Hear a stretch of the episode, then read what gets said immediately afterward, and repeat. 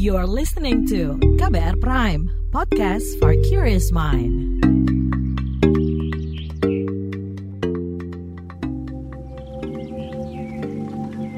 Ini Gambut Bakisa. Dipersembahkan oleh Badan Restorasi Gambut.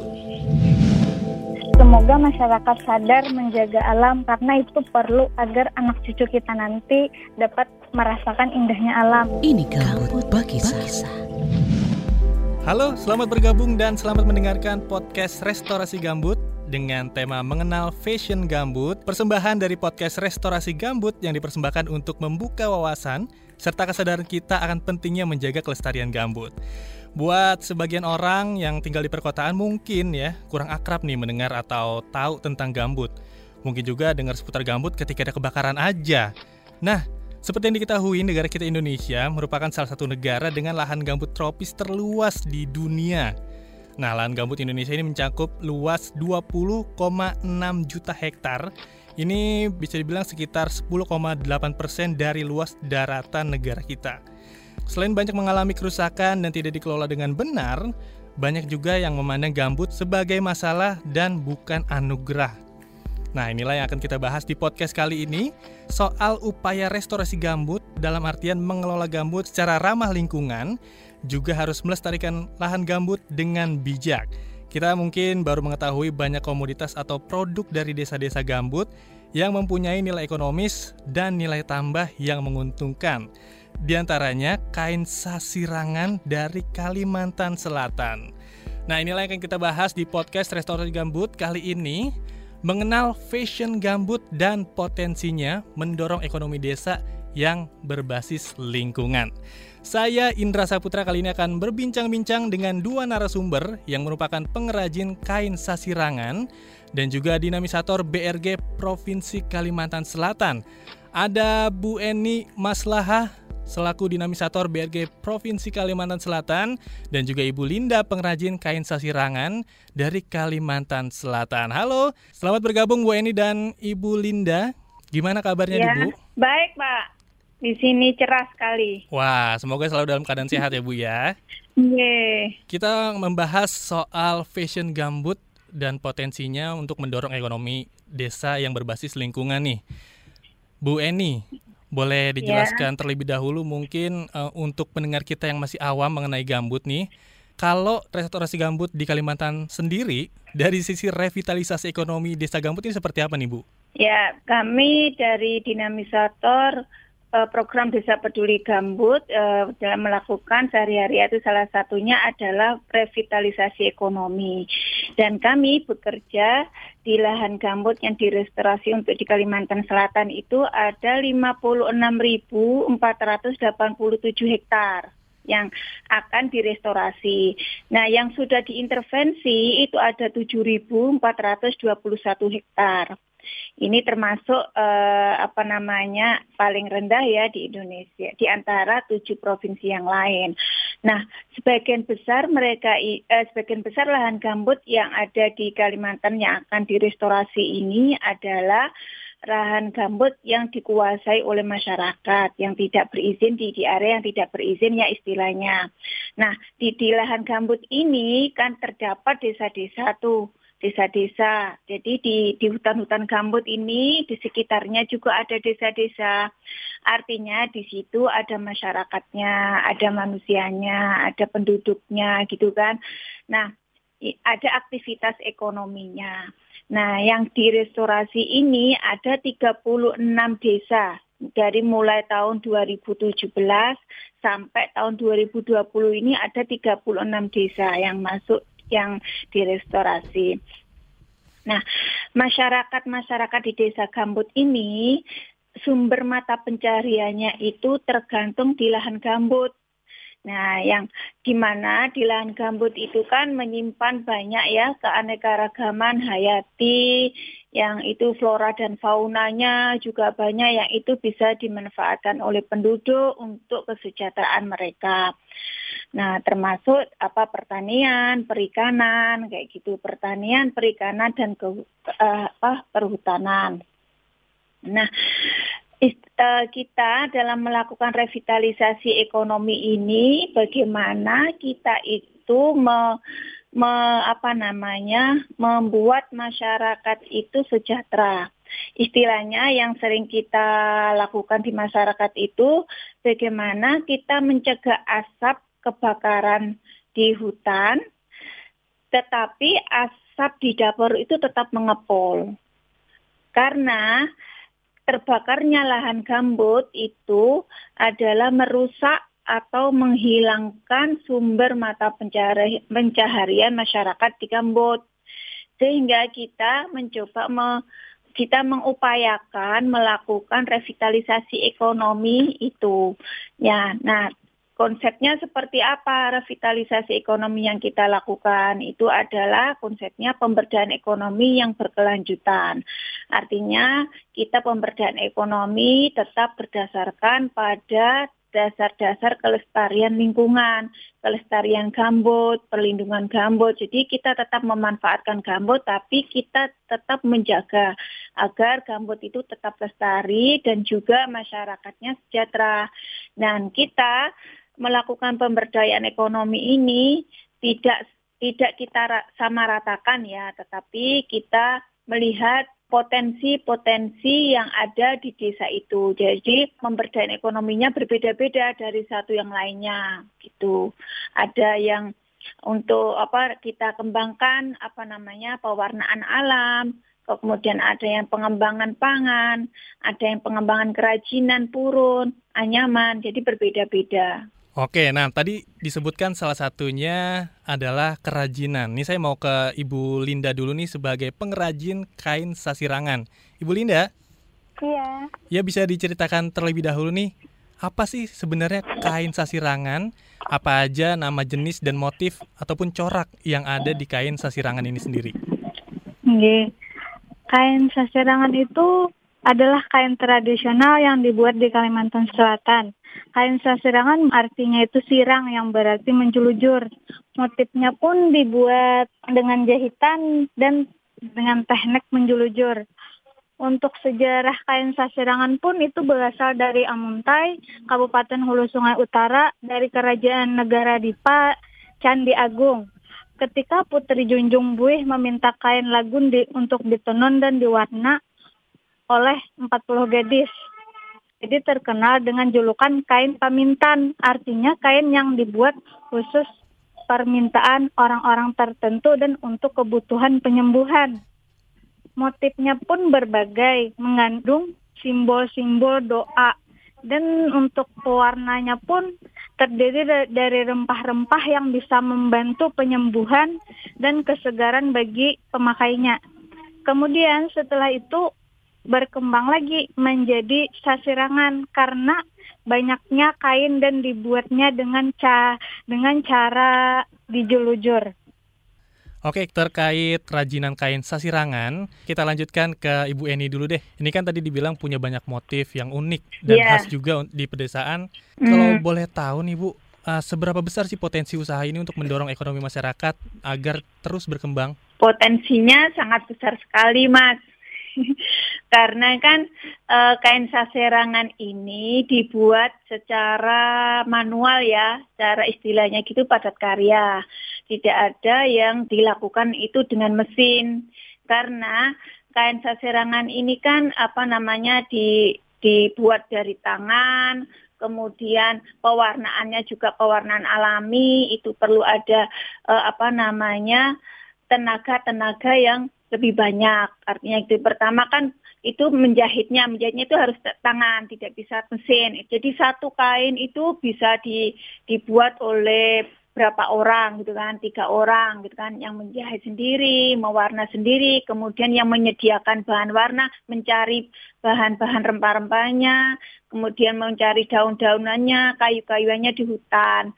Jadi ini kan kalau dari segi penyediaan lapangan kerja itu butuh banyak.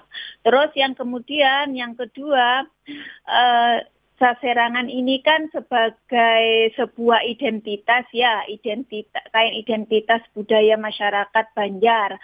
Jadi di sini kalau ada perhelatan misalnya itu apa namanya ke event-event kabupaten, kemudian event-event uh, apa tradisional misalnya pernikahan, kemudian acara lainnya itu mesti memakai kain sasirangan.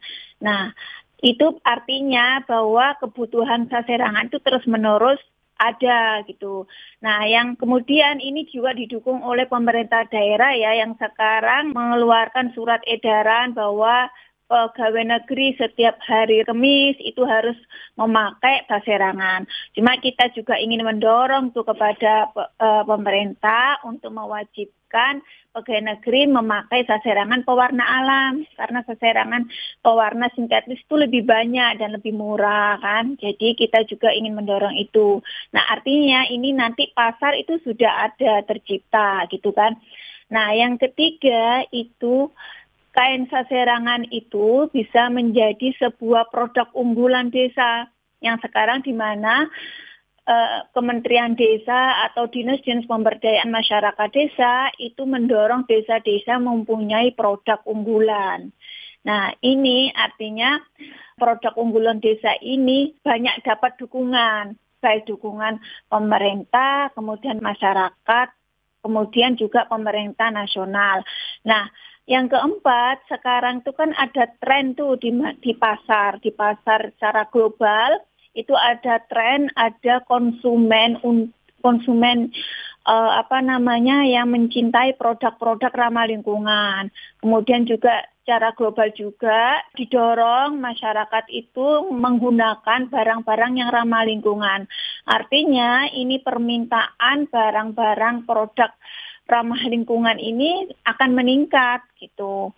Nah, dan di samping itu juga akan bernilai, bernilai artinya ini harga itu bisa menjadi harga yang tinggi dan itu bisa apa namanya uh, mendorong pre, apa mendorong perekonomian ya, sangat mendorong perekonomian di desa dan bisa memberikan pasar yang strategis gitu bagi apa usaha untuk kain sasirangan pewarna alam. Kalau tadi Ibu Eni bilang kalau kain sasirangan ini bisa disebut sebagai produk unggulan di Kalimantan Selatan ya Bu ya? Iya. Nah, untuk Ibu Linda sendiri sebagai pengrajin Ibu, apa sih tantangan tersulit saat membuat kain sasirangan ini? Tantangan yang tersulit yaitu tahapan menyisir karena kalau kurang sisir pola tidak akan terbentuk dengan maksimal. Itu saja. Oke, baik. Tadi Ibu ini juga bilang kalau ada kewajiban untuk menggunakan kain sasirangan di waktu-waktu tertentu ya. Ini kalau dari sisi Bu Linda sebagai pengrajin kain sasirangan, sejauh ini pemasaran seperti apa Bu di sana Bu? Bagaimana cara menjualnya dan dijual ke mana aja nih? Dijualnya bisa di dalam negeri sama luar negeri. Kami di sini pemasarannya bisa offline dan online. Oke, sekarang kita ke Bu Eni lagi. Perihal peningkatan kapasitas dan revitalisasi seperti ini dengan memanfaatkan potensi lingkungan sehingga bisa selaras gitu ya dengan tujuan ekonomi berkelanjutan berbasis lingkungan. Apalagi nih Bu Eni dorongan revitalisasi yang dilakukan BRG di Kalimantan Selatan, terutama untuk kelompok ibu-ibu dan pengrajin di Desa Gambut. Ya, baik. Kami selama ini melakukan revitalisasi ini, kami tegaskan juga, kami tidak hanya menyasar pada kelompok perempuan dewasa, artinya ibu-ibu, tapi kita juga menyasar kelompok perempuan-perempuan muda, Mas. Gitu. Nah, untuk yang dorongan kami untuk selanjutnya untuk revitalisasi ekonomi ini kita mencoba melakukan beberapa produk-produk kerajinan yang ada atau produk-produk yang ada yang sudah kami lakukan di dalam pemberdayaan itu bisa saling terhubung. Misalnya gini, produk kerajinan anyaman purun itu bisa kita kombinasikan dengan kain sasirangan pewarna alam bisa menjadi produk fashion misalnya tas, dompet, kemudian juga bisa uh, menjadi kayak hiasan di rumah gitu. Nah, kemudian juga misalnya purun itu menjadi kemasan untuk produk saserengan yang levelnya premium. Kotak kita kemarin sudah melakukan apa namanya eh, BRG dengan berjejaring dengan NGO lokal untuk melakukan penguatan ekonomi pada kelompok pengrajin ini ini kita me membuat berbagai rangkaian dari berbagai produk ini untuk dijadikan saling terhubung. Jadi ada kelompok jahit, kelompok sasirangan, kemudian kelompok anyaman purun itu kita jadikan satu menjadi sebuah produk yang saling terhubung. Yang seperti tadi itu fashion. Misalnya baju. Baju itu nanti bisa di, dikaitkan dengan penjahit untuk membuat produk jahit yang produk saserangan yang jadi atau dengan penjahit yang anyaman purun itu gitu. Jadi itu yang kita lakukan. Yang kemudian kita juga melakukan revitalisasi ekonomi itu mencoba upaya-upaya dari hulu ke hilir biar ini saling terkait dan memudahkan kelompok-kelompok ini untuk bekerja sama. Misalnya di kelompok tani yang membuat templot pertanian yang tanpa bakar itu bekerja sama dengan pengelola makanan. Misalnya demplot pangan singkong, demplot singkong. Uh, di situ ada di desa Batu Mandi itu ada demplot singkong yang ada dua hektar sampai berapa hektar itu di, digabungkan dengan pengelola keripik yang kita bina. Di situ semua awalnya nggak ada orang pengrajin keripik mas, tapi kita bina untuk mengelola keripiknya sehingga pemasaran dari singkong itu mudah dan juga harganya relatif bagus gitu. Jadi kita sesuaikan potensi yang ada, kemudian kita kaitkan dengan eh, kelompok-kelompok uh, yang lain, kelompok tani sebagai pemasok bahan bakunya, kemudian ada yang memproduksi ini, kemudian ada anak muda lagi yang yang bagian untuk pemasarannya karena mereka ditantang untuk melek teknologi digital of online. Itu sih yang kita lakukan mas. Wah berarti hebat ya dari iya. beberapa yeah. divisi saling terhubung dan untuk yeah. saling menguatkan perekonomian di sana ya Bu ya. Yeah. Oke, terakhir deh uh, untuk Ibu Eni dan Ibu Linda boleh dikasih saran dan harapan perihal mengenal fashion gambut dan potensi kain sasirangan nih Bu. Ya. Dari pengalaman kami selama bekerja dan belajar bersama masyarakat di lahan gambut itu ada pembelajaran Mas. Jadi bagaimana kita menumbuhkan kesadaran untuk perlindungan ekosistem gambut ini, kita tidak bisa hanya memberikan pengetahuan semata, tapi kita perlu memberikan pengalaman-pengalaman yang itu bisa dirasakan secara langsung ya oleh oleh masyarakat dan dapat memberikan manfaat dan kesejahteraan yang berarti bagi masyarakat itu. Yang seperti seperti tadi ya pengrajin saserangan. Mereka mendapatkan manfaat secara langsung dan kemudian juga mereka sadar sekarang untuk menjaga lingkungannya dengan mengembangkan tanaman-tanaman untuk bahan baku pewarna alam. Nah, kemudian yang kedua juga sekarang tren back to nature gitu kembali ke ke alam ini menimbulkan permintaan produk yang tinggi ya. Nah, sehingga kita perlu ada upaya-upaya serius untuk penyediaan bahan baku. Terutama kita rekomendasi untuk pemerintah ya, untuk pemerintah, Dinas Pertanian atau Perkebunan itu kita men, me, mengharapkan tidak terjebak pada produksi pangan yang mainstream, misalnya padi, jagung gitu kan. Kemudian juga untuk dinas perkebunan itu tidak terjebak pada produksi-produksi yang selama ini dianggap unggulan, misalnya karet, sawit, itu kan. Itu yang sering kali di daerah-daerah gambut itu bidang perkebunan itu memfokuskan pada hal itu, karet, sawit, tetapi tanaman-tanaman yang yang yang itu bisa bisa dimanfaatkan dan bisa bernilai tinggi itu kurang diperhatikan. Jadi kita mendorong bagaimana tanaman-tanaman pewarna alam ini dijadikan oleh Dinas Perkebunan itu menjadi produk komoditi unggulan dalam perkebunan.